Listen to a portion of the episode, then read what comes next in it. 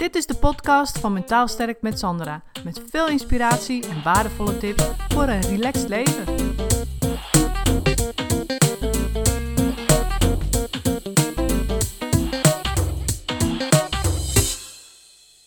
Wij zaten laatst eh, tussen kunst en kitsch te kijken. Ik weet niet of je dat kent, het programma, vast wel. En uh, ik vind dat altijd een heel relaxed programma. Weet je, dat is gewoon rustig. Geen uh, drukke beelden, geen wilde dingen. Het kun je gewoon heel, op je, heel erg op je gemakje volgen.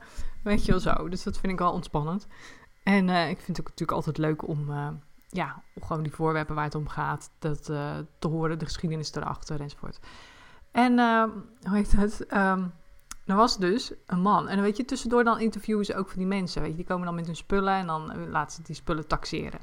Of dan weten ze of het echt is of niet. En nou, dus dan interviewen ze tussendoor van die mensen. En dan was er een man en die zei, het was een beetje een be beetje bekakte man.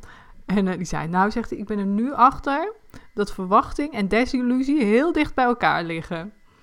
En toen dacht ik, ja, want hij had natuurlijk een van de voorwerp wat gewoon, hij dacht dat het kunst was en het bleek kitsch te zijn zo, weet je. Maar weet je waar het om gaat, is, die man heeft natuurlijk onwijs gelijk. Het is echt zo dat verwachting en desillusie ligt heel dicht bij elkaar. En de vraag is of jij je daar ook van bewust bent. Want wat is er namelijk aan de hand? Uh, ik heb in podcast nummer 71, uh, Niet gelukkig zijn komt hierdoor, heet die. Heb ik het ook al aangekaart. Dat uh, als je dus, nou, stel dat je verwachting van het leven was dat je uh, een groot huis zou hebben, een gezin met drie kinderen, een mooie auto voor de deur en een superleuke baan. Noem maar wat. En, maar in werkelijkheid zit je gescheiden met één kind en een, een oud barrel voor de deur en werkloos thuis. Dus ja, wat, wat, hoe, snap je, wat, wat is dan het probleem? Het probleem is dan natuurlijk dat je je doodongelukkig voelt, omdat je die verwachting had dat je ja, er heel anders aan toe zou zijn. En als je wil weten wat, ik, wat je daar het beste mee kan doen, check dan even podcast nummer 71 ook. Maar um, zo zijn er meer dingen in het leven. Dit gaat over je hele leven. Dat voorbeeld wat ik net gaf, gaat over je hele leven in het algemeen. Maar je kunt ook gewoon een goed, een leuk leven hebben. Als je gewoon zegt van, nou, ik heb een leuke baan, ik heb een gezin en ik vind het allemaal prima. Of ik heb een leuke partner en mijn kinderen zijn al het huis uit en vind ik ook allemaal uh, goed. Het is allemaal gewoon goed gegaan, leuk gegaan. En natuurlijk, je hebt je tegenslagen en je hebt problemen gehad. Maar je hebt wel gewoon het leven wat je eigenlijk voor je zag. Dan kan er zelfs in dat leven kunnen er dingen gebeuren waar verwachting en desillusie dus heel dicht bij elkaar liggen.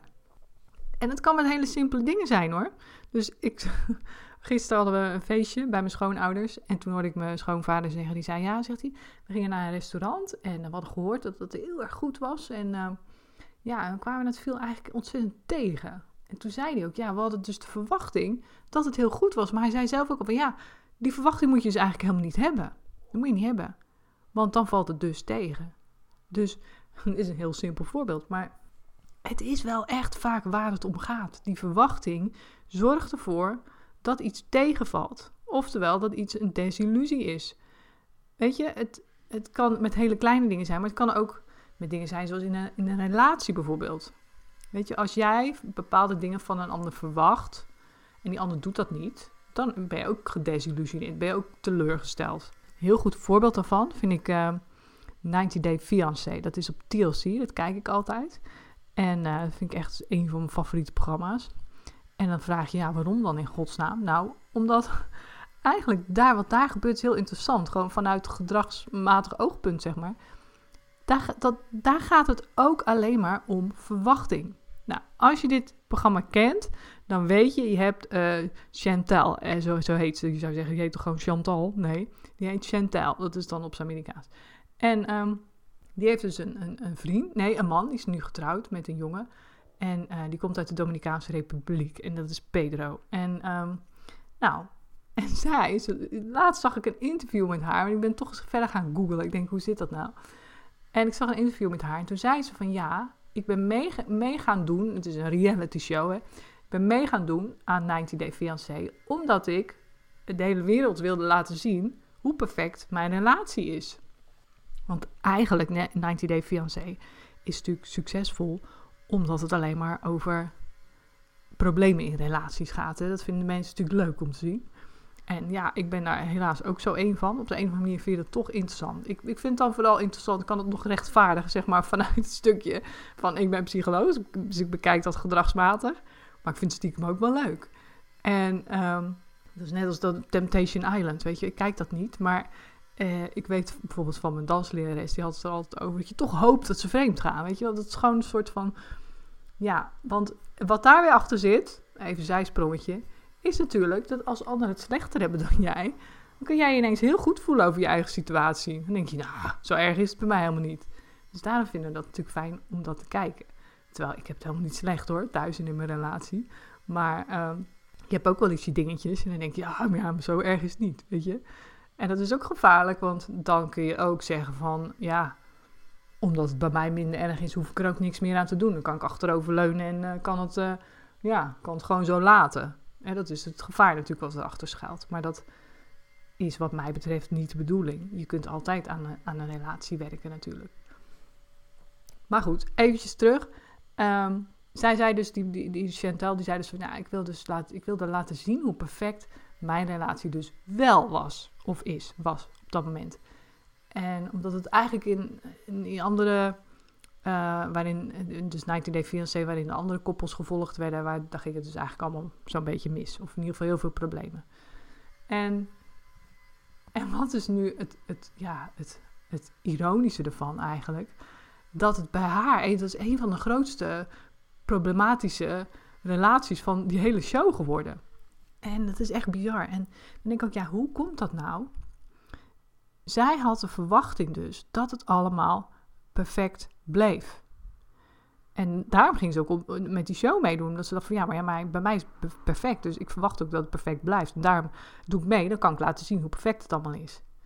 Maar ja, toen gingen ze natuurlijk en ze waren na 90 dagen, weet je, dan moet je zo'n visa in, in, Amerika. En dan na 90 moeten ze eerst 90 dagen in Amerika wonen. En dan daarna mogen ze gaan trouwen na 90 dagen. En dan 90 dagen ben je getrouwd. En dan is dus degene waarmee ze trouwen die uit het buitenland komt.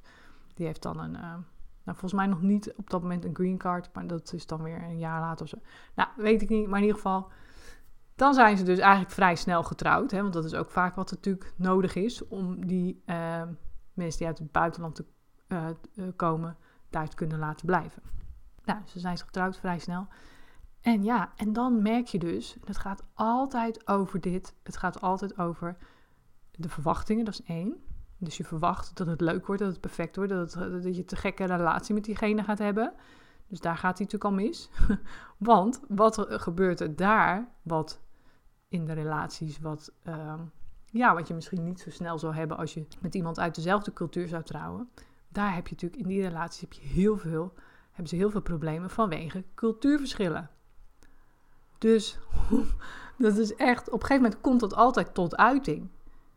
En in het geval van uh, Pedro en Pedro dan vooral, die, uh, ja, die voelde zich niet geaccepteerd door die familie. De familie had ook allerlei vooroordelen over hem. En ja, dan heb je het cultuurverschil van hoe ga je met problemen om met, met ja, een soort van in zijn ogen dan vervelende schoonfamilie, vervelende mensen. Nou, vanuit die cultuur waar hij vandaan komt, is het normaal dat je, uh, ja, dat je dan uh, nou, gewoon gaat slaan eigenlijk. Dat je dan gewoon een beetje agressief wordt. En dat bleek ook, dat zijn moeder vertelde dat ook, van ja, als ik, als ik iemand niet aardig vind of bevalt me niet wat diegene zegt, dan sla ik er gewoon bovenop. En dat zit natuurlijk in zijn cultuur, dus daar is hij mee opgevoed. Dus dat ging hij ook doen. En tijdens een, een discussie met de, met de familie. En ja, die Chantal, die was natuurlijk helemaal van slag. Want die had de verwachting dat het perfect zou zijn. En die had misschien ook de verwachting, nog wel, dat hij zich eh, eh makkelijk zou kunnen aanpassen aan de, Nederland, of aan de Amerikaanse cultuur. En die had misschien nog allerlei andere verwachtingen. En die verwachting viel dus compleet in duigen. Dus dat was een enorme desillusie. En al die afleveringen later zit ze nog steeds in die desillusie. Daar blijft ze enorm in hangen. Dat, dat is voor zo'n desillusie dat hij zich zo gedraagt. Terwijl het voor hem heel normaal is uit zijn cultuur. Hij zegt: Nee, ik heb niks gedaan. Weet je, hij maakt ook geen excuses. Hij vindt het ook allemaal dat de schuld is van een ander. Dus daar blijven ze enorm in hangen. En dan kom je op het punt van het volgende probleem, namelijk het acceptatieprobleem. Dus vervolgens accepteerden ze elkaar niet daarin. Dus zij kan niet accepteren dat hij ja, zich op die manier gedraagt als er eens een keer een discussie is. En hij kan van haar heel veel dingen niet accepteren. Dat ze daar dus zo in blijft hangen. En dat ze, dat ze er niet overheen stapt. En dan is dat dus het volgende probleem. Dan heb je cultuurverschillen die komen tot uiting. En dan ineens uh, zie je dat allemaal, die verschillen. En begrijp je elkaar niet meer. En dan wil je elkaar veranderen. En dat gebeurt ook niet. En dan kom je op het punt van: Goh, ga ik deze persoon accepteren of niet? Of ga ik er gewoon mee stoppen? Nou, en dat is dus het, het uh, ja, natuurlijk altijd de cliffhanger van gaan ze ermee door of niet. Maar goed, het is een heel mooi voorbeeld van hoe je dus, ja, hoe, je, hoe verwachtingen dus echt je leven gewoon kunnen verpesten. En dus in haar geval, dat ze dacht echt van dit gaat perfect worden. En nu is haar leven compleet verpest, doordat ze dus in die desillusie zit. En ja, dan kun je je afvragen van, want denk je, waarschijnlijk denk je nu van ja, maar hoe kun je dan in hemelsnaam zonder verwachtingen leven? Want dat is natuurlijk eigenlijk waar het dan op neerkomt. Als je niks verwacht, dan kun je ook niet teleurgesteld worden. Ja, dat is natuurlijk de vraag. Hoe kun je daarmee omgaan? Ik heb zelf ook, ehm, toen ik met mijn online marketing begon en weet je, dat was allemaal nieuw voor mij, had ik ook allerlei verwachtingen en doelen en over bereik en hoeveel, hoeveel volgers ik zou hebben. En ja, als je dan, uh, als dat dan niet gebeurt, of niet in ieder geval zo snel als ik dus verwachtte dat het zou gebeuren, want dat was mijn probleem, dat ik gewoon de verwachting had dat het heel snel zou gaan. En dat ik dus eigenlijk het geduld niet had om daar om dat los te laten en te zeggen van dat heeft tijd nodig om te groeien. Weet je, dus dat hadden, op, dat, op dat punt had ik ook heel veel verwachtingen. Van ik dacht van ja, waardoor ik echt gewoon, nou niet ongelukkig hoor, dat ook weer niet. Maar ja, het zit wel een beetje een soort van aan je te knagen. Weet je, je zegt, hoe kan het nou? En dit en dat, zo, zo. En bijvoorbeeld met mijn podcast had ik, ja, die, had ik, die loopt natuurlijk al best wel een poosje. En het is eigenlijk pas sinds ehm, ja, een, paar, een paar maanden nu dat die in de topprogramma's staat. Dus uh, je hebt dan topprogramma's, weet je, en dan geeft uh, Apple, uh, de, hoe heet dat, iTunes of podcast, die geeft dan aan welke programma's in de top 200 staan. Nou, en nu sta ik regelmatig zelfs in de top 50. Dus dat is echt wel een dingetje. En, maar toen ik dus begon met podcasten, had ik uh, podcast 1, 2, 3, 5, 10, 12, 18, 30. En en elke keer kwam die podcast maar niet in die programma's, in die top 200. En dan dacht ik, hoe kan dat nou, weet je? En dan word je daar echt heel erg, ja, teleurgesteld, gefrustreerd over. En dan dacht ik, ja, maar weet je, daar gaat het dus ook helemaal niet om. Als ik dat nu achteraf terugkijk, dan denk ik, joh, ik kreeg toen al zoveel berichtjes van mensen die mijn podcast heel erg waardeerden en daar heel veel voor zichzelf uithaalden. En dat eigenlijk ging het gewoon daarom, weet je. En nu die in die top 50 staat, vind ik het ook al minder boeiend. denk ik, ja, nou op, plaats 199 staat of op plaats 45, maakt me nu eigenlijk ook niet meer zoveel uit. Want met dat dus uiteindelijk wel mijn bereik groeide en dus die podcast in die top 50 kwam, kreeg ik natuurlijk ook steeds meer berichtjes en van mensen die hem luisteren en dus steeds meer feedback. En dat bevestigde steeds meer hoe waardevol deze podcast voor mensen is. En toen, ja, uh, ja, switchte eigenlijk mijn focus ook van ja, zo'n podcast in de top 50 hebben naar het waardevol zijn. Weet je, en dan kun je zeggen, nou, dat is lekker. Het is toch de bedoeling dat je dit al überhaupt gewoon gestart bent voor, uh, om waardevol te zijn.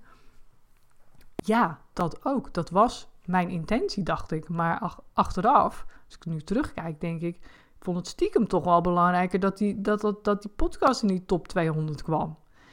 En sinds ik dat ben gaan loslaten en echt ben gaan voelen van dit is gewoon waardevol en met heel veel mensen doet dit iets, ehm, zit ik er veel meer, echt, echt veel meer vanuit die intentie in.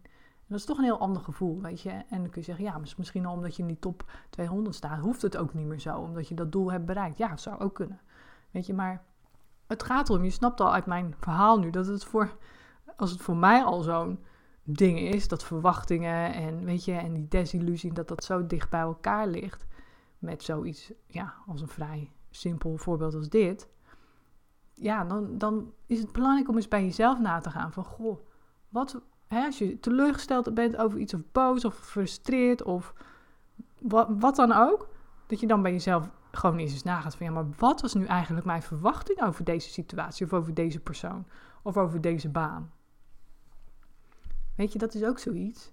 Als je een nieuwe baan hebt, dan heb je natuurlijk de verwachting. Als je gaat solliciteren en je, hebt je wil een nieuwe baan, je wil weg ergens, dan heb je de verwachting dat het ergens anders leuker is. Die heb je gewoon, dat kan niet anders. Weet je? Dus dan is het ook weer zo belangrijk om die verwachting los te laten en te zeggen: Oké, ik, uh, ik zie wel hoe het daar eraan toe gaat en of het me bevalt. In plaats van dat je verwachting hebt van: Nu gaat dit echt, dit gaat hem helemaal worden. Dit is, dit is top, weet je. En als je denkt: Nou, ik zie wel hoe het gaat. Ik ga het gewoon eens eens aankijken en hè, gewoon, ik, ik, laat het eens over me heen komen. Ik zie wel hoe het gaat. En ik ga eens even voelen hoe ik me daarbij voel. En dan kijk ik weer verder. Hè, of, of ik hier wil blijven of niet. Ja, dat is een hele andere insteek natuurlijk. Dus als je nu je afvraagt, ja, hoe kan ik nou die verwachtingen loslaten? Dan is het altijd de eerste stap, is je bewust worden van welke verwachtingen heb ik eigenlijk? Of als er iets gebeurd is, waardoor je je rot voelt, dat je terugkijkt en zegt, maar welke verwachting heeft er nu eigenlijk voor gezorgd dat ik me zo voel? En daar is dus naar kijken, van wat is het antwoord daarop? En op het moment dat je je bewust bent van al die verwachtingen die je hebt, dan kun je ze gaan bijstellen. En dan kun je zeggen: Oké, ik heb een nieuwe baan, ik heb een nieuwe partner, ik heb een nieuwe relatie. Ik ga gewoon eens kijken hoe het loopt. Ik zie wel. Weet je wel, of gewoon hele kleine doelen gaan stellen. Uh, ja, weet je als, je, als ik zeg van ik wil heel erg fit worden, ik wil echt super fit worden, ik wil uh, een uur lang hard kunnen hardlopen, noem maar wat. Nou, en ik ga daarvoor trainen. En ik zeg dan, ik ga drie keer in de week, moet ik minstens alvast ja, drie kwartier kunnen volhouden. En als me dan elke keer maar, als het me dan maar elke keer lukt om bijvoorbeeld maar een kwartier of twintig minuten te lopen, dan ben ik teleurgesteld in mezelf, want dan heb ik die drie kwartier niet gehaald. En dat komt natuurlijk omdat ik te hoge doelen stel. Dus te hoge verwachtingen heb dat ik dat meteen maar zou kunnen.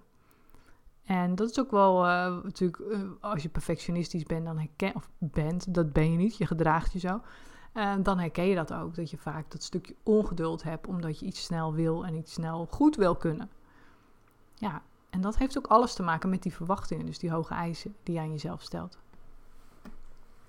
Dus dan is het belangrijk om altijd met kleine doelen te beginnen. Dus kleine doelen, kleine stapjes die altijd haalbaar zijn, waarvan je zegt: Oké, dan ben ik in ieder geval blij dat ik dit heb gedaan, dat dit me gelukt is. Dus als ik dan ga hardlopen, ik zeg: Nou, als ik in ieder geval uh, vijf minuten heb hard gelopen, dan heb ik mijn doel behaald. Dat is mijn doel. Nou, en als, dan, als het me dan lukt om 10 minuten hard te lopen, ja, dan uh, ben ik helemaal trots, weet je Dan denk ik zo, hé, dat was nog eens even dubbelen. Dus dat is ook heel belangrijk. Je verwachtingen, je doelen bijstellen. En ja, maar de eerste stap is altijd bewust worden. Van welke verwachtingen heb ik nu? Waardoor ik me zo rot voel. Of waardoor ik hiermee zit. Of weet je, want het, eigenlijk is alles terug te voeren op die verwachting. Dat is even de tip van deze week. Ik bedank je voor het luisteren en ik spreek je weer bij de volgende podcast. Doei doei!